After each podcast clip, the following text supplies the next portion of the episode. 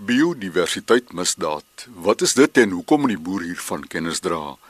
Ons gesels vanmôre met Paul Gildenhuys, senior bestuurder van Cape Nature se biodiversiteit misdaad ondersoekeenheid. Biodiversiteitsmisdaad is misdade wat gepleeg word uh, van natuurwetgewing wat plante en diere insluit. So dis die ou fauna en flora, sal ek nou maar sê, waar mense uh, onwettig plante pluk, onwettig plante verkoop onwettige diere handel, onwettig diere in gevangenskap hou, onwettig diere vervoer, onwettig diere jag of onwettig handel in diere uh, karkasse soos byvoorbeeld horings en vleis in in daai land. So dit is alles onder die verhandel van biodiversiteitsmisdaad. Jy beleef dit elke dag. Beskryf vir ons 'n dag in jou lewe. Ja, dit is 'n interessante lewe want jy weet nooit wat gaan kom nie uh, een oproep in jou hele dag kan verander van iemand wat 'n renoster uh, gestroop het tot dit iemand wat 'n boer wat jou bel wat sê hier's mense op my grond en besig is om akkedisse te vang. Ehm um, julle moet kom. Ehm um, so dis wat opwindend is. Dit is op natuurtyd met daad ondersoek is absoluut my passie. Ehm um, dit is my bydrae vir natuur en dit is my bydrae vir, vir wat ek graag lewer. Mense uh, wat in hierdie bedrywe betrokke is, doen dit vir geld biodiversiteit misdaad gaan absoluut oor geld want die waarde wat die mense vir die produkte kry wat hulle versamel vernaam as hulle uh, oor see verkoop word is baie groot. En dit is hoekom die mense dit doen. Dit gaan oor gierigheid en geld. Dit is die hoofrede hoekom mense biodiversiteit misdaad pleeg. Ehm um, as ons gaan kyk na die Suid-Afrikaanse situasie kan die mense dit deel in in twee ehm um, ek wil amper sê vlakke jy kry jou plaaslike biodiversiteitsmisdaad, jou mense wat uh, plaaslik bly wat onwettig jag hier aand, uh, onwettig blomme pluk en en daai klas van goed doen. En dan kry ons ons oorseese mense wat hier na toe kom spesifiek vir die doel om 'n spesifieke spesies of spesies te versamel in so kort as moontlik tydperk en dan uit te vat om te verkoop in die oorseese mark waar hulle baie geld daarvoor kry. Hoe weet hulle wat is waar? My ondersoeke het bewys dat ehm um, spesifiek met die oorseese mense, jy kan hulle basies in in in drie groepe verdeel. Jy kry jou uh, sogenaamde wetenskaplikes of mense wat stokperdjies is wat spesifiek in 'n spesifieke diergroep of plantgroep belangstel en intens weet wat daaraan gaan. Hulle weet presies watter tyd van die jaar die diere voorkom, watter liggings die plek het waar uh, die diere of plante voorkom, presies watter tyd van die jaar hulle moet kom en hulle doen navorsing. Hulle gebruik die internet. Hulle gebruik uh, publikasies oor hierdie spesifieke boeke en goed uh, oor oor spesifieke plante en diere wat hulle sê presies wat is. En dan kom hulle uh, en hulle kom besoek die areas en hulle stroop die plante soveel as hulle kan. Dan kry ons jou sogenaamde uh, uh, handelaars wat spesifiek ook hier na toe kom um, wat die goed verkoop so troeteldierwinkel eienaars oor see of internet uh uh tuistes wat spesifiek spesifiseer in in in plante en diere. En ehm um, hulle kom hiernatoe die mense kom gewoonlik vir kort tydperke tussen 5 en 10 dae. Hulle gaan ook hulle ken ook alles van die spesifieke dier en wat se tyd van die jaar. En hulle is so stroopers, hulle is so stofsuiers. Hulle versamel alles wat hulle kan kry of hy groot of klein is, maak nie saak nie hulle gee nie om maar voor om die habitat te vernietig nie byvoorbeeld as hulle akkedisse versamel dan breek hulle die rotse oop met instrumente en en sodat hulle die diere kan kry so hulle vernietig ook die habitat. En dan kry jy dan natuurlik nog jou syndikaate ook wat spesifiseer in sekere goed en by ons is die syndikaate uh, spesifiek betrokke uh, by ivoor en renosterhoring watter van die flora en fauna is die gewildste om uit te haal As ons na die oorsese mense kyk, dan spesialiseer baie van hulle in ja, miskien moet ek dit so stel. Ons het die fynbos uh, plantegroei biome in die Weskaap wat uniek is en saam met die biome kry jy unieke plante en unieke diere.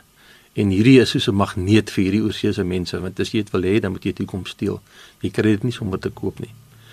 En uh as dit met plante aanbetref spesifiek ons sukulente plante groei, vernaam die wat jy kry in die in die in die Weskus en Namakoland nersvlakte areas is baie gesog en as dit kom by diere dan is dit spesifiek ons reptiele slange akedisse is is groot in aanvraag en snaaks ook goed soos insekte. Ehm um, ons het byvoorbeeld 'n groep Duitsers gevang wat wat eh uh, ehm um, groot kakewers, colophon beetles eh uh, versamel het. En dit is ook 'n baie skaars ding wat net in die eh uh, of sekere bergpieke in die Weskaap voorkom. So enige iets wat skaars is en wat groot geldelike waarde het, word geteken. Maar hoe oorleef daardie plant en dier vandat dit uit sy natuurlike omgewing gesteel is totdat dit uiteindelik by sy bestemming aankom? Ons ondervinding is is gewoonlik omdat hulle vir 'n kort tydperk kom, gewoonlik tussen 5 en 10 dae, dat hulle versamel wat hulle wil versamel en soos wat hulle versamel, maak hulle pakkies op en hulle pos dit eenvoudig na hulle huisadres. Of ehm um, as dit wilde diere is, dan hou hulle dit by hulle en dan 'n dag voor hulle terugvlieg, um, dan sal hulle 'n koerierdiens gebruik of hulle sal dit eenvoudig in hulle bagasie wegsteek of hulle op hulle persoon uh, uh, uh dra. Um, ons het 'n geval gehad van waar twee Japaneese drie Japaneese gevangenes by die Kaapstadse lughawe waar hulle die die akkedisse gesit het in in kartonhouers wat hulle in hulle lywe vasgeplak het en uh, hulle is eenvoudig net deur die stelsel by die lughawe maar ongelukkig vir een van hulle het hy metaal in sy skoene gehad en toe die ding die die die metaalvertlikker afgesit en toe hulle hom nou deursoek toe kom hulle op die akkedisse wat in sy lyf vasgeplak is. So dit is die maniere wat hulle dit doen. Ehm um, hulle sit dit bloot eenvoudig net in hulle bagasie, toiletsakkies, ehm um, tussen klere of hulle steek dit op hulle lyf weg. Hulle eh, steek dit weet in hulle broeksakke en goed weg en gaan net deur want die die liggawens is maar meer gestel op op op op plofstof en vuurwapens. En die die masjiene is nie noodwendig gestel om te kyk vir diere nie plante nie. Gedurende die afgelope maand of twee het jy baie interessante sake gehad wat 'n positiewe resultaat gehad het vir die flora en fauna. Ja daar al die mense daar was 'n japanees gevang in in, in uh, november nog een in Desember en nou weer in Februarie 'n Duitsers gevang met spesifiek skurwe Yankee akkedisse. Ehm um, wat hulle dan spesifiek gekom het om te kom versamel en hulle val in die groep wat mense noem handelaars uh, wat hulle deur gekom het om te kom versamel en hulle is in die Belwel um, streekhof uh, gefonnis op die 22ste Mei. Die een persoon wat met vyf akkedisse gevang is, het 'n boete gekry van uh, 300 000 of 4 uh, 6 jaar een persoon wat gevang is met 48 hakke het hy 'n boete gekry van 'n miljoen rand en of 13 jaar gevangenisstraf en die ander persoon twee van hulle was gevang met 20 hakke dis 'n boete gekry van 500 000 rand of 4 jaar gevangenisstraf tussen die twee van hulle en dit stuur 'n baie goeie boodskap uit vir die oorseese mense wat dan dink om ons ons plante en diere toekoms deel. Uh, hierdie tipe vonnis is vir ons baie goed en dit versprei baie vinnig oor die wêreld dat as jy gevang word hierso dan kry jy moeilikheid as ons die mense ook vang dan op 'n Neurosborg en hulle bly in die tronk. Ons probeer hulle daar binne hou totdat die saak voorkom en gefinaliseer word en hulle dit ook nou al geleer. En, en dit dien as afskrikmiddel. En ons het dit nou al gesien. Dit is waar ons as ons 'n klompie van hierdie mense vang en 'n paar van hulle word gevind dan raak dit so stil vir so 'n tydjie en dan begin dit nou maar weer aan tot die mense vergeet het. So hierdie vonnisse het 'n baie groot afskrikmiddel. Hoe betrek julle julle plaaslike polisie by sulke gevalle Gewoonlik is dit um, of natiewe waar van die mense kry of hulle dit in die publiek wat die polisie bel en die polisie kry die mense en dan bel die polisie ons. Ons werk nou saam met die polisie. Uh, ons ken mekaar, um, ons ondersteun mekaar en ons help mekaar met die ondersoeke. En ehm um, ja, die ander groot ding is natuurlik Jan publiek, die die boer op sy grond. Hy moet weet wat daar aangaan. Ehm um, dit mense wat net eenvoudig langs jou grond stop en in die veld instap en hy het net 'n kamera sakkie by hom en hy lyk of hy kamera foto's neem en as jy hom nou om te stap en sê net nou only fotos, only fotos. Uh hy neem waarskynlik net foto's hier. Hulle steek akkedisse weg in kamera sakke en op hulle lywe en in sakkies wat hulle net daar as leeu sien aankom agter die klippe los of plante. Uh so die die boer is ons grootste bondgenoot en hy moet as hy sulke mense sien op sy eiendom stap vanaam gebiede waar skaars plantjies of diertjies of akkedisse of iets voorkom. Hy moet dit rapporteer dat die mense gestop kan word en gekyk kan word wat hulle wat hulle by hulle het of wat hulle doen. En dit is hoe meeste van die mense gevang word omdat mense dit aan ons rapporteer. Geskied hierdie diefstal hoofsaaklik in die nag? Wel as dit kom by akkedisse en slange dan is dit hoofsaaklik in die in die dag. Ehm um, wanneer die mense gaan soek in die klipkoppies en die plekke van, om om die goed te kry. As dit kom by onwettige jag, ehm um, dan wat nou weer meer plaaslike mense is, dan is die onwettige jag in die nag. Mense gebruik kolligte wat hulle met 'n voertuig ry op 'n plaas van van, van 'n spesifieke persoon wat saam is en hulle jag onwettig of jy kry iemand wat van die dorp af kom met 'n klomp uh, vriende en hulle ry die grond baie patrolleer dit en dan die die bokke wat hulle aankry in langs die pad of op die polwerse grond net langs die pad uh, hulle skiet dit en vat huis toe. Dit is die weet dis die onwettige jag vind meestal in die in die in die nag plaas.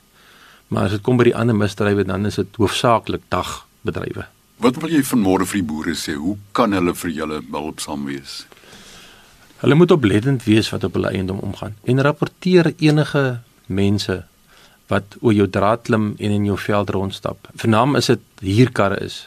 Vernaam is sy registrasienommer dit van Gauteng of een van daai plekke.